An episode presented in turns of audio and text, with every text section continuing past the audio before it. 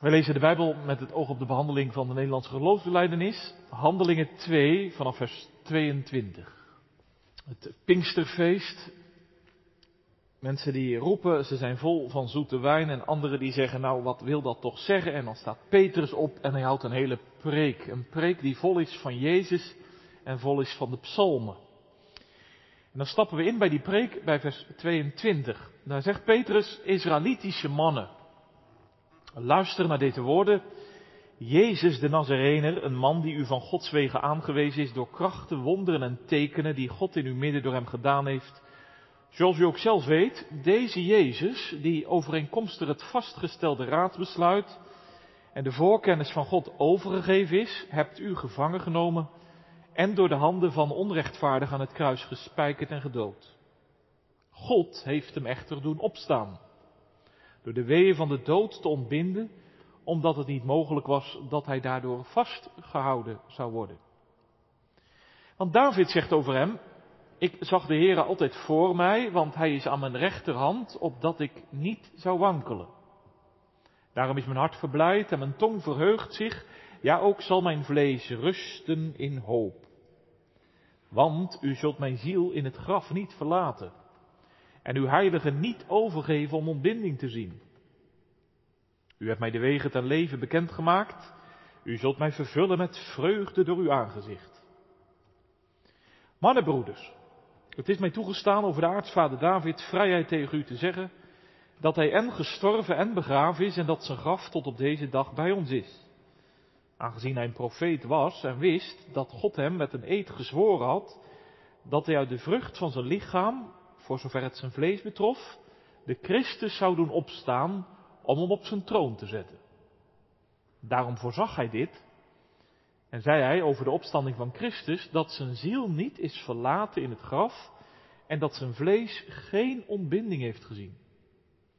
Deze Jezus heeft God doen opstaan, waarvan wij allen getuigen zijn. Hij dan, die door de rechterhand van God verhoogd is en de belofte van de Heilige Geest ontvangen heeft, eh, van de Vader, heeft dit uitgestort wat u nu ziet en hoort. David is immers niet opgevaren naar de hemelen. Maar hij zegt, de Heer heeft gesproken tot mijn heren, zit aan mijn rechterhand, totdat ik uw vijanden neergelegd zal hebben als een voetbank voor uw voeten. Laat dan heel het huis van Israël zeker weten dat God hem tot, de, tot een Heere en Christus gemaakt heeft, namelijk deze Jezus, die u gekruisigd hebt. En toen ze dit hoorden, werden ze diep in het hart geraakt en zeiden tegen Petrus en de andere apostelen, wat moeten we doen, mannenbroeders? En Petrus zei tegen hen, bekeer u en laat ieder van u gedoopt worden in de naam van Jezus Christus tot vergeving van de zonde en u zult de gave van de Heilige Geest ontvangen. Want voor u is de belofte en voor uw kinderen en voor alle die veraf zijn, zoveel als de Heer onze God ertoe roepen zal. Met veel meer andere woorden legde hij getuigenis af en spoorde hij hen aan met de woorden, laat u behouden uit dit verkeerde geslacht. Zij nu, die zijn woord met vreugde aannamen, werden gedoopt. En ongeveer 3000 zielen werden er op die dag aan hen toegevoegd. En ze volharden in de leer van de apostelen en in de gemeenschap, in het breken van het brood en in de gebeden. En er kwam vrees over iedereen. En er werden veel wonderen en tekenen door de apostelen gedaan. En alle die geloofden waren bijeen en hadden alle dingen gemeenschappelijk. En ze verkochten hun bezittingen en eigendommen en verdeelden die onder allen nadat ieder nodig had. En ze bleven dagelijks eensgezind in de tempel bijeenkomen. En terwijl ze van huis tot huis brood braken, namen ze gezamenlijk voedsel tot zich met vreugde en in eenvoud van hart. En ze loofden God. En ze vonden genade bij heel het volk. En de Heere voegde dagelijks mensen die zalig werden aan de gemeente toe. Dit is het woord van God. tweede boek van uh, Lucas. Hè? Lucas heeft het evangelie geschreven en dan ook uh, deze handelingen van de apostelen, handelingen van de Heilige Geest wordt het ook wel genoemd. Wij lezen verder in de beleidenis van onze kerk. En het oud daarvan staat op de website. Artikel 28 en 29. We hebben nog eh, twee leerdiensten vanuit de Nederlandse looplijnis te gaan. Vanavond artikel 28 en 29. We zijn bezig met die artikelen over de kerk. Vijf artikelen maar liefst. En lezen we in artikel 28. Wij geloven, aangezien deze heilige vergadering een verzameling is van hen die zalig worden en er buiten haar geen zaligheid is, dat niemand van welke staat of hoedanigheid ook op zichzelf behoort te blijven om aan zichzelf genoeg te hebben. Maar allen behoren zich bij haar te voegen om zich met haar te verenigen. De eenheid van de kerk wordt bewaard als zij zich onderwerpen aan haar onderricht en tucht, de hals buigen onder het juk van Jezus Christus en de opbouw van de broeders en zusters dienen naar de gaven die God hun gegeven heeft als leden van één en hetzelfde lichaam. En opdat dit des te beter kan onderhouden worden, is het de plicht van alle gelovigen volgens het woord van God om zich af te scheiden van hen die niet van de kerk zijn en zich te voegen bij deze vergadering, op welke plaats God haar ook gesteld heeft. Zelfs al verzetten de overheden en de plakkaten van vorsten zich daartegen en stond er de dood of enige lijfstraf op. Daarom handelen allen die zich van haar afscheiden of zich niet bij haar voegen in strijd met Gods verordening. De kenmerken van de ware kerk. Wij geloven dat men heel zorgvuldig en met veel inzicht op grond van het woord van God te onderscheiden welke de ware kerk is. Aangezien alle secten die tegenwoordig in de wereld zijn, zich met de naam kerk tooien. Wij spreken hier niet over de huigelaars die in de kerk onder de goede vermengd zijn, maar intussen niet van de kerk zijn, hoewel ze uiterlijk in haar zijn. Maar wij bedoelen dat men het lichaam en de gemeenschap van de ware kerk moet onderscheiden van alle secten die zeggen dat ze de kerk zijn. De kenmerken waaraan men de ware kerk kan herkennen zijn deze. Dat de kerk de zuivere prediking van het evangelie brengt. Dat ze de zuivere bediening van het sacrament onderhoudt, zoals Christus heeft ingesteld. Dat de kerkelijke tucht uitgeoefend wordt om de zonde te bestraffen. Kortom, dat men zich richt naar het zuivere woord van God. Alle dingen die daarmee in strijd zijn verwerpt en Jezus Christus erkent als het enige hoofd. Hieraan kan men met zekerheid de ware kerk herkennen en dus heeft niemand het recht zich van haar af te scheiden. Wat nu hen aangaat, die tot de kerk behoren, hen kan men herkennen aan de kenmerken van de christenen. Namelijk het geloof en dat zij, wanneer ze de enige zaligmaker Jezus Christus aangenomen hebben, de zonde ontvluchten en de gerechtigheid nastreven de ware God en hun naaste liefhebben en niet naar rechts of naar links afwijken en hun vlees met zijn werken kruisigen. Maar niet alsof er geen grote zwakheid meer in hen zou zijn. Maar ze strijden daartegen door de geest al de dagen van hun leven. Daarbij nemen ze voortdurend hun toevlucht tot het bloed, de dood, het lijden en de, en de gehoorzaamheid van de Heer Jezus in wie ze vergeving van hun zonde hebben door het geloof in Hem. Wat de valse kerk betreft, deze schrijft aan zichzelf en aan haar verordeningen meer macht en gezag toe dan aan het woord van God en wil zich niet aan het juk van Christus onderwerpen.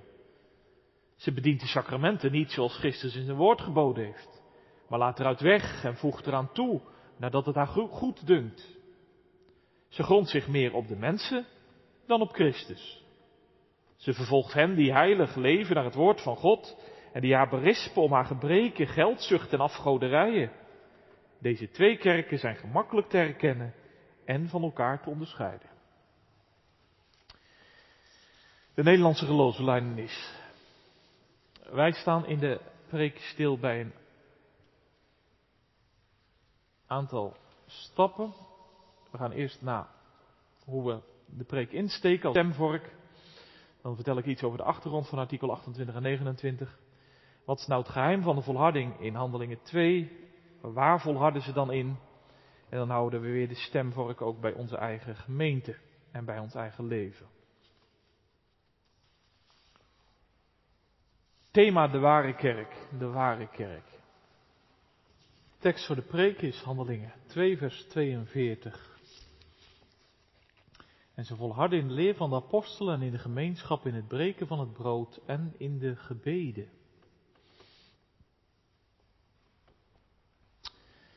Gemeente, gebruikt u wel eens een stemvork? Mensen in de muziekwereld die weten daar alles van.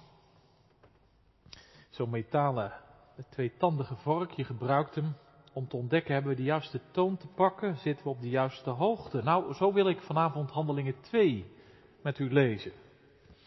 En die artikelen 28 en 29 laten meespreken. Laten we met die artikelen nou maar vanavond beginnen. Want wie die artikelen leest, die kan zomaar denken, wat een stevige woorden zeg. Afscheiden van de valse kerk, je voegen bij de ware kerk en dan die kenmerken, zuivere prediking, zuivere sacramentsbediening, zuivere tuchtuitoefening. Nou nou, alsjeblieft, wat een hoge woorden. Deze artikelen zijn vaak gebruikt in perioden dat kerken en gemeenten scheiden en scheuren. Intussen zijn we als protestantse kerken totaal versplinterd en een lijst met kerken ook in Ede waar je u tegen zegt. Was dat dan de bedoeling van deze artikelen? Nou, dat vraag ik me af.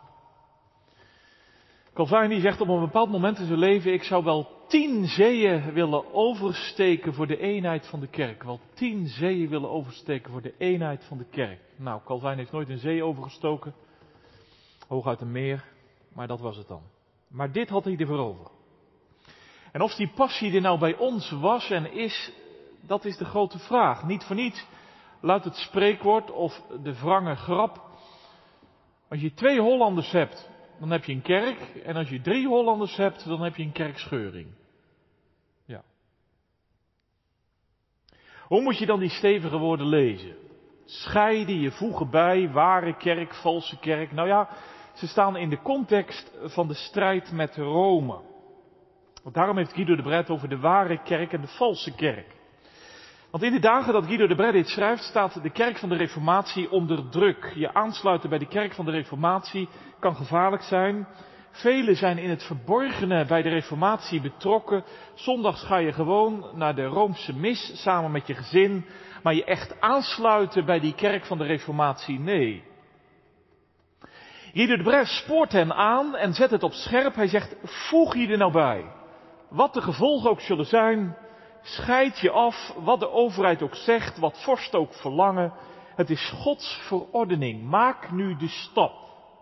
Want buiten de kerk is immers geen zaligheid. Je hebt de kerk nodig, je kunt geen christen zijn op je eentje. Je hebt aan jezelf niet genoeg. Dat laatste zinnetje, dat lijkt me ook vandaag relevant. Dacht je ook niet? Je hebt aan jezelf niet genoeg. Want vandaag denken wij vaak heel individualistisch. Ik geloof wel hoor, ik geloof wel, maar dan heb ik de kerk niet nodig. Nee hoor, leuk dat er een kerk is en fijn dat er mensen in zitten, maar ik doe het zonder. Alleen dat lees je niet in de schrift. Kijk in het boek Handelingen. Mensen die tot geloof komen, die worden gevoegd bij een gemeente. Dat hoort bij elkaar. Je hebt aan jezelf niet genoeg in de gemeenschap met anderen, binnen het lichaam van Christus, die samenkomt en samenleeft op een bepaalde plaats, in een bepaalde tijd, dat is je roeping. Want het gaat om de ware kerk. Nee, let op, Guido de Bres zegt niet, het gaat om de volmaakte kerk. Hè? Dat zegt hij niet. Want die bestaat niet. Een volmaakte kerk bestaat niet. Hoe je ook zoekt, je zult hem op aarde niet vinden. Kaf en koren, ranken die vrucht dragen, ranken die geen vrucht dragen. Het is er in elke kerk.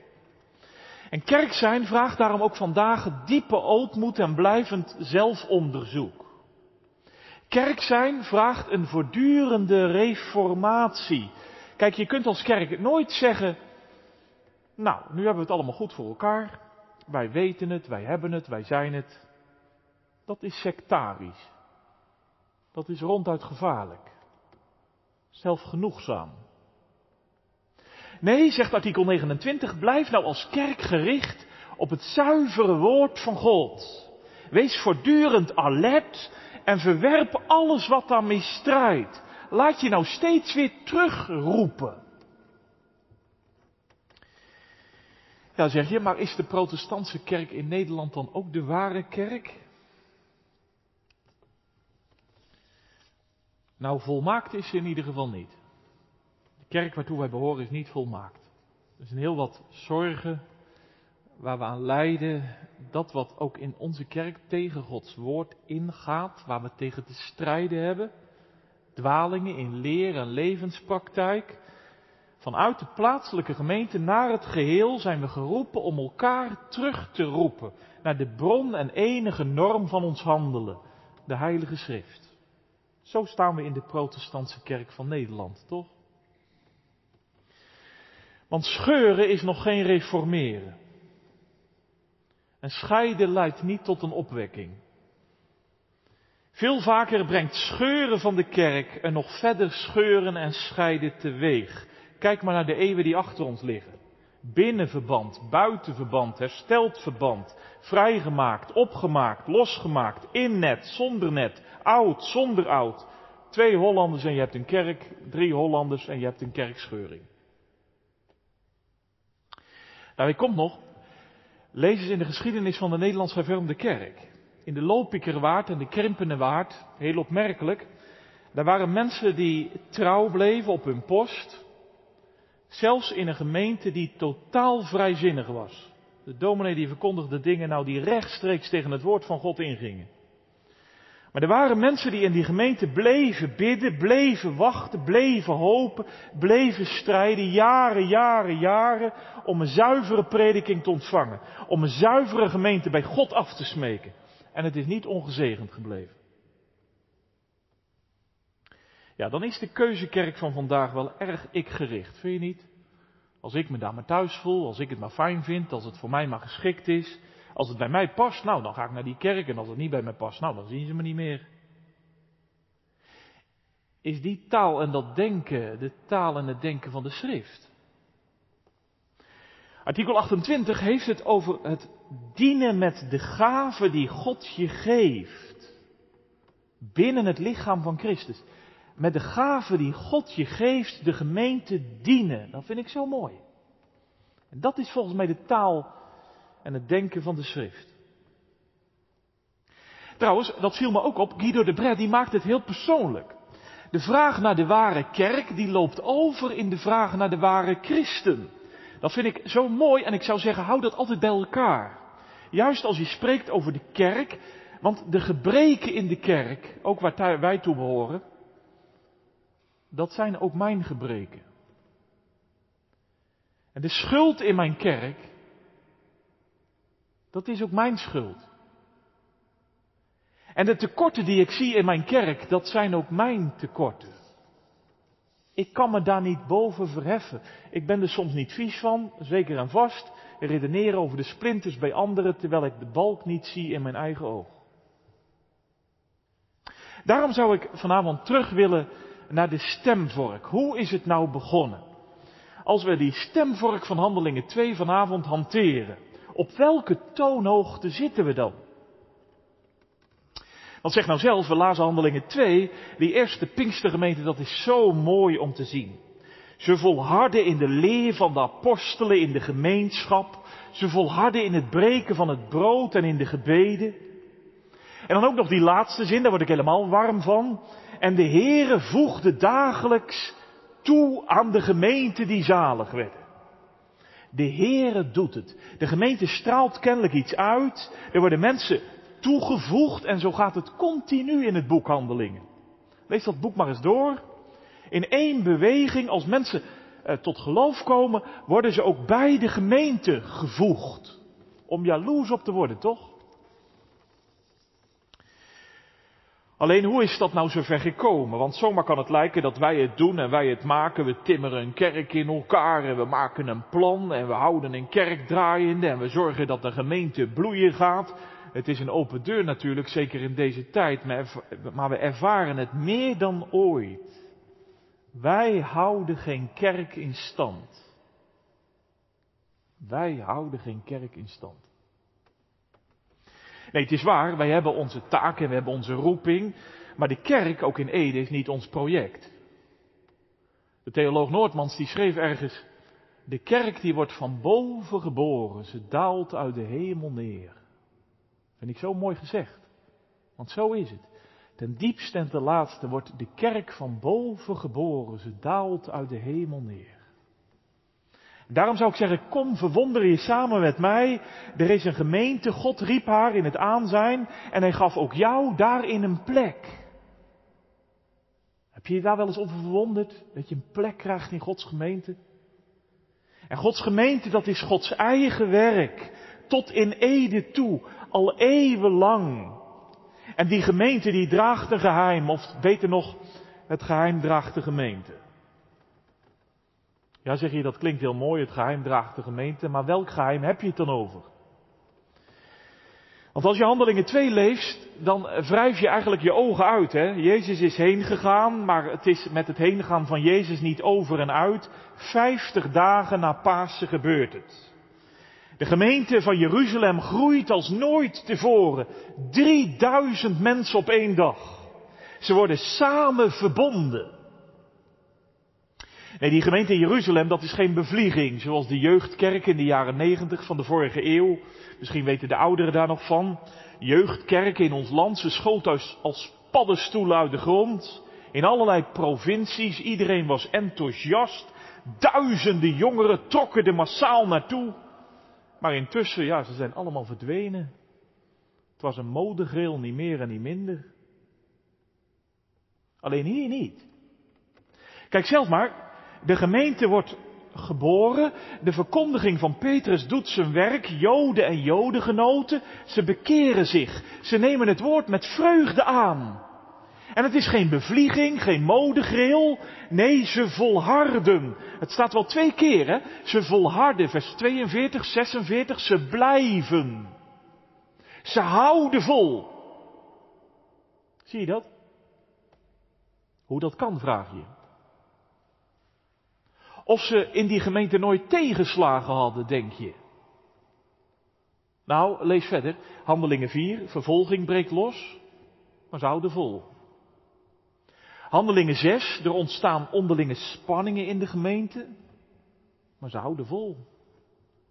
Handelingen 8, een nog stevigere vervolging breekt los. De gemeente wordt zelfs verstrooid, maar ze houden vol is eigenlijk wel vreemd, hè?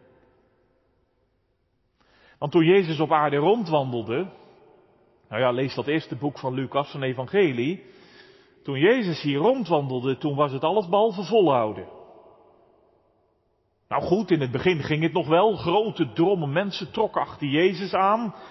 Maar al heel snel slinkt en krimpt het. Zelfs de binnenste groep, zijn eigen discipelen, ze houden het niet vol. Alleen Jezus. Hij houdt vol.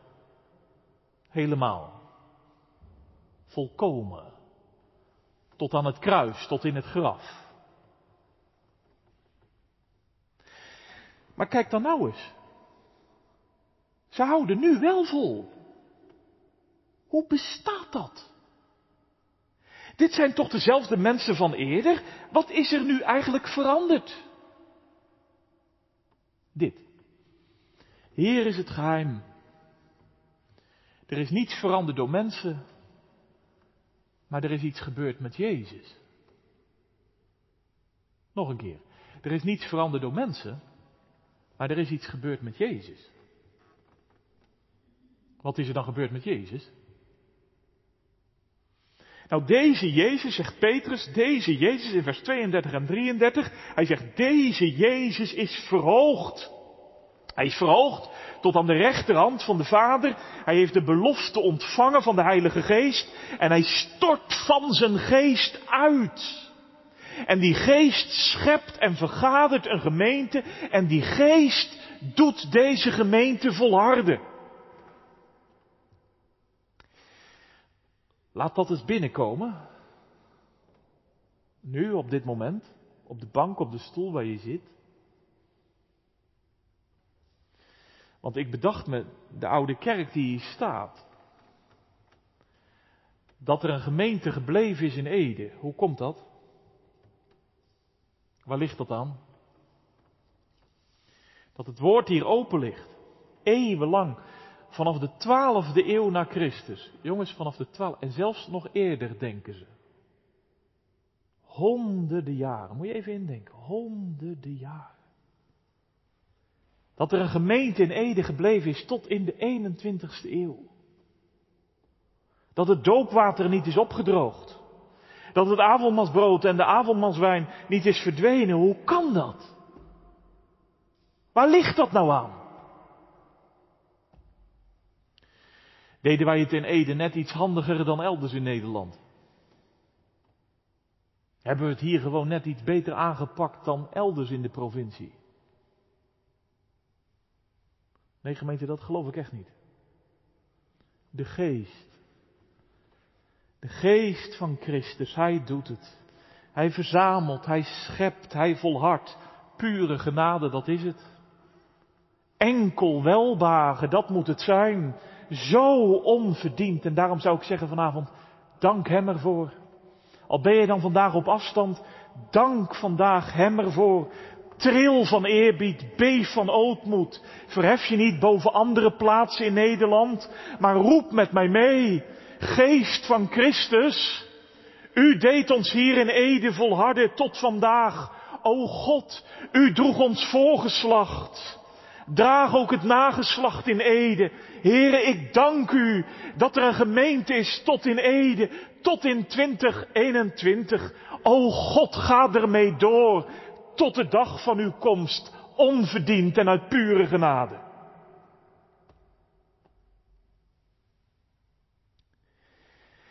Nou goed, het geheim van een gemeente die volhoudt ligt dus bij Christus en zijn geest. Hij doet ons volharden. Maar waarin dan? In de leer van de apostelen, in de gemeenschap, in het breken van het brood en in de gebeden. Vier karakteristieken. Ze horen bij elkaar. Nee, die vier karakteristieken die zijn niet nieuw. Al onder Israël komen ze voor de dag, lees maar na in het Oude Testament. En toch zou ik zeggen, met Pinkster is er een nieuwe inzet. De hemel zet nu door, een gemeenschap in deze wereld uit Joden en Heidenen. De geest schept het rond deze vier karakteristieken. Zie je dat? Ja, van die vier kun je er niet één missen. Wees eerlijk. Ik zat me dat te bedenken in de afgelopen week. Van die vier kun je er niet één missen. Want stel je voor, een gemeenschap zonder leer. Dat wij hier een gemeenschap zijn zonder leer. Dat is stuurloos. Stel je voor, een, een, een leer zonder gemeenschap. Heb je wel een leer van de apostelen, maar je hebt geen gemeenschap. Dat is levenloos. Of gemeenschap zonder gebed. Dat is bloedeloos. Of gemeenschap zonder breken van het brood. Dat wordt liefdeloos. Je hebt ze alle vier nodig. En ze komen ook alle vier terug in de eredienst van de gemeente, toch? Hier oefenen we ons steeds weer, zondag aan zondag, in het volhouden en blijven bij de leer van de apostelen. Hier oefenen we ons in de gemeenschap met elkaar. Daarom is deze tijd, het is een open deur en misschien bent u het al zo moe als een dominee er weer over heeft. Maar deze tijd is daarom wel pijnlijk voor de gemeente. Want deze oefening is zo nodig om hier bijeen te zijn. Om concreet samen de lof te verheffen.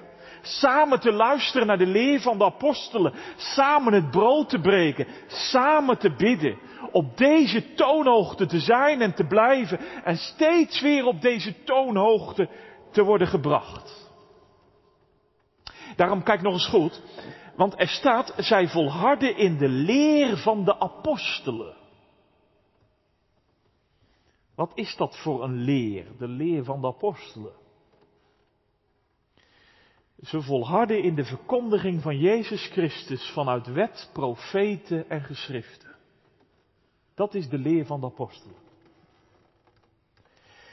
En ze volharden in de gemeenschap. Wat is dat voor een gemeenschap? Is dat een soort gezelligheidsvereniging, een soort activiteitenclub? Nee, deze gemeenschap is een geschenk van de geest. De eenzaamheid wordt verdreven. De geest bindt deze mensen samen rond Christus en zijn daden. Ze delen zelfs hun goederen, staat. Ze komen dagelijks bijeen in de tempel voor het morgenoffer, voor het avondoffer, maar ook bij elkaar in de huizen. Niemand komt tekort.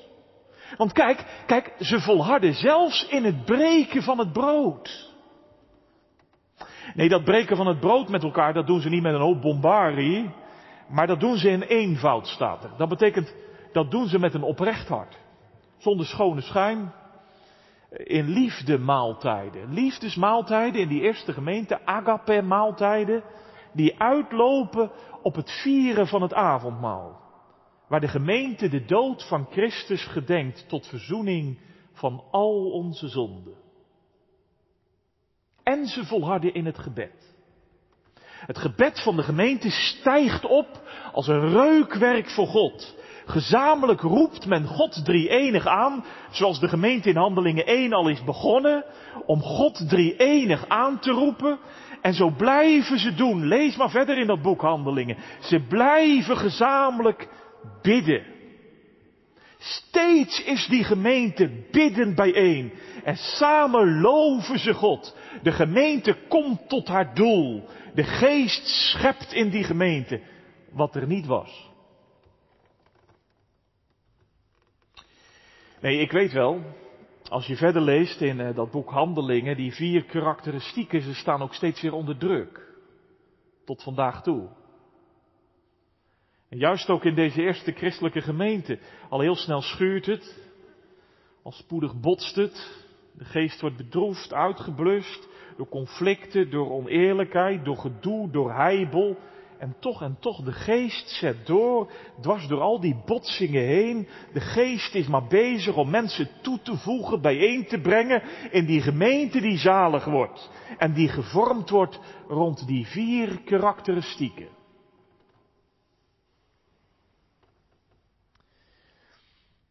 Nou, gemeente, zeg het.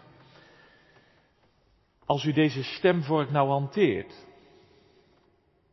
als we die stemvork van Handelingen 2 nou vanavond tegen ons oor houden en we kijken naar de oude kerkgemeente,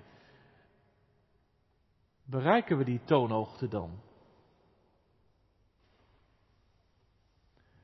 Hoe is het eigenlijk onder ons met de volharding in de leer van de apostelen?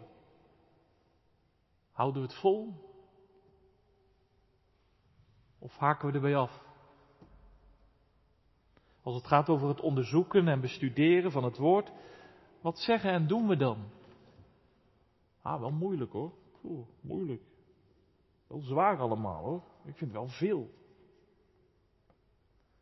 Kijken we ons vol aan beeldschermen, maar nemen we nog geen kwartier per dag de tijd om gewoon de Bijbel te lezen? Als dat nou zo bij u is, dan zou ik zeggen, kom er van terug, hè? kom er van terug, deze week nog. Hou vol, ook de jongeren zou ik zeggen. Kijk, je kunt heel veel kijken per dag en het moet vandaag zeker hè, op al die schermen, maar een kwartier per dag in de Bijbel lezen. Wat is dat nou? Een kwartier. Zou je er niet mee beginnen deze week? Of erin volharden? Dat hoop ik eigenlijk. En hoe is het in de, eh, met de volharding in de gemeenschap? Is er gemeenschap, juist ook in deze crisistijd? Hè?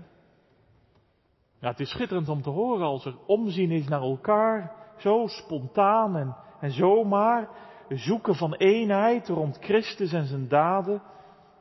God dank. Of, of laten we de anderen wel makkelijk gaan. Zijn we een soort duiventil, hè? De een vliegt erin, de ander vliegt er weer uit. Ja, je kunt ze toch niet vasthouden. Laat maar gaan hoor, ik heb het geprobeerd. Ja, als hij niet wil, als zij het niet doet.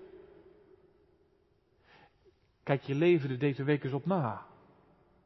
Geef je broeder of zuster in de gemeente niet zomaar op.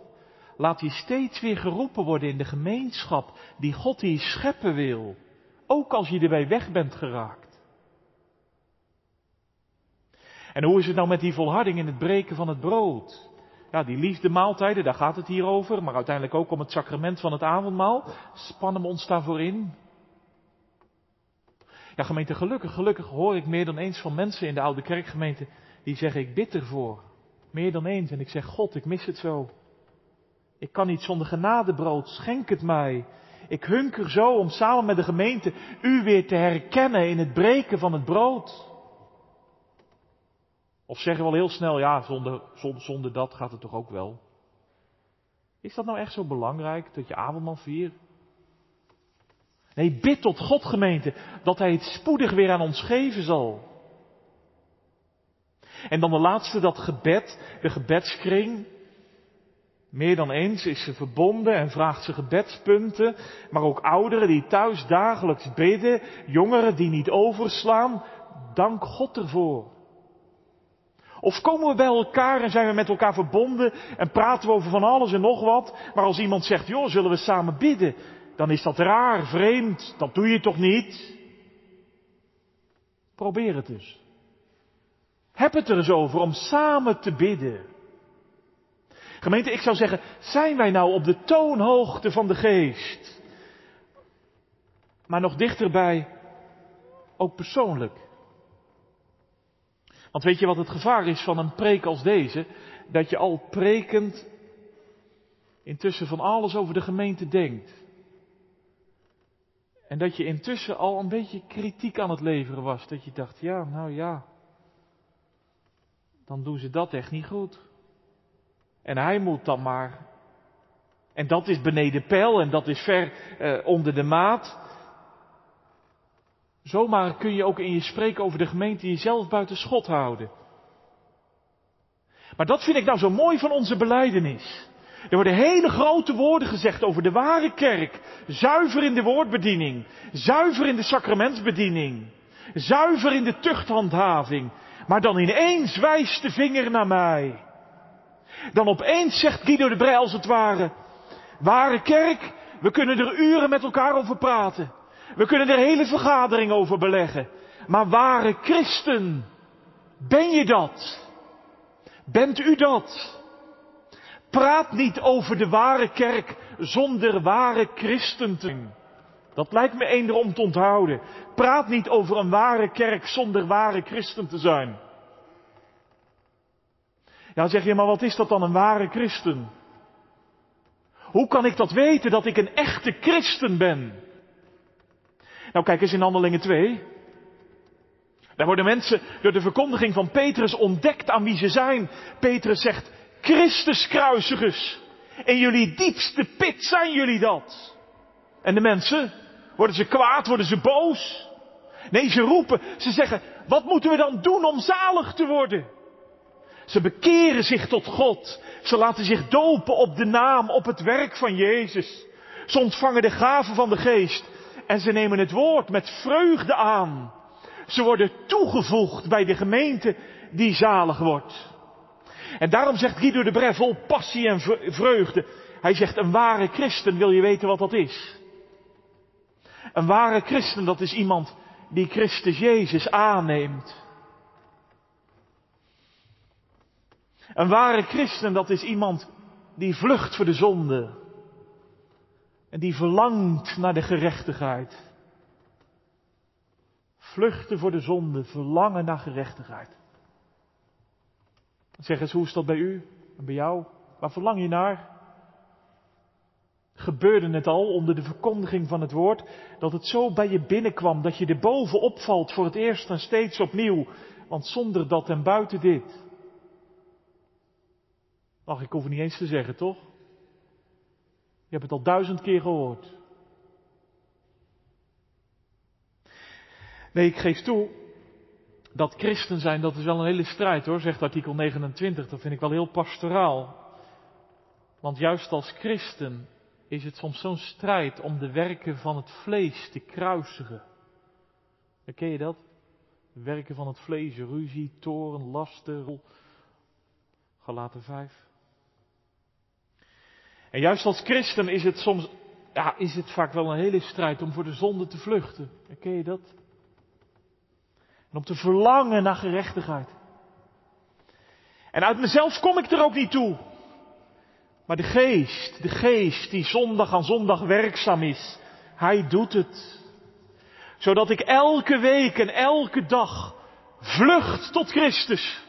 Tot zijn bloed, tot zijn dood, tot zijn lijden, tot zijn gehoorzaamheid. Zodat hij gaandeweg mijn leven vult. Steeds weer en elke keer opnieuw. Kijk gemeente, daarom ben ik zo dankbaar dat er een gemeente in Ede is. Jij ook? Ik ben daar zo dankbaar voor dat er een gemeente is midden in Ede. Ja, ik geef toe, het is hier niet volmaakt. Die gemeente van Ede, dat is niet volmaakt. Die oude kerkgemeente, het is niet volmaakt. Maar dat ben ik zelf ook niet. Dat zeg ik niet om het daarmee goed te praten, zeker niet. Maar om er samen vanavond mee tot God te gaan. Zodat mijn leven en het gemeenteleven steeds weer gereformeerd wordt. Want de geest is hier begonnen, op deze plek. Eeuwen geleden, duizend mij, honderden jaren geleden, is de geest zomaar op de heide grond begonnen. En de grote herder van de schapen riep. En de schapen kwamen in al die eeuwen die achter ons liggen tot vandaag. En de geest, die doet het ons volhouden. Ook en juist in deze tijd. Zonder de geest blijft er niks van de gemeente over. Maar de geest doet het gemeente. Om ons ook vandaag te richten op het zuivere woord. En daarom danken wij vandaag God. En we bidden meer dan ooit. Bid u mee deze week, elke dag. Als u dat nou elke dag meeneemt, deze week, zouden we dan niet veel mogen verwachten van deze God. Dat u zegt, o God, o God, u droeg ons voorgeslacht in Ede. Eeuwenlang heeft u ons voorgeslacht gedragen. Draag ook het nageslacht in Ede, alstublieft, o God. Door alle crisis heen, draag ook ons nageslacht en schep steeds opnieuw op deze Edese heidegrond een gemeente die het volhoudt. In de leer van de apostelen, in de gemeenschap, in het breken van het brood en in de gebeden, zodat uw lof ook vanuit deze kerk steeds weer zal klinken, tot de dag dat heel uw kerk over de hele wereld volmaakt zal staan voor uw troon dankzij Hem. Dankzij die ene die het volgehouden heeft. Tot aan het kruis en tot in het graf. Lof zij deze Christus tot in eeuwigheid. Amen.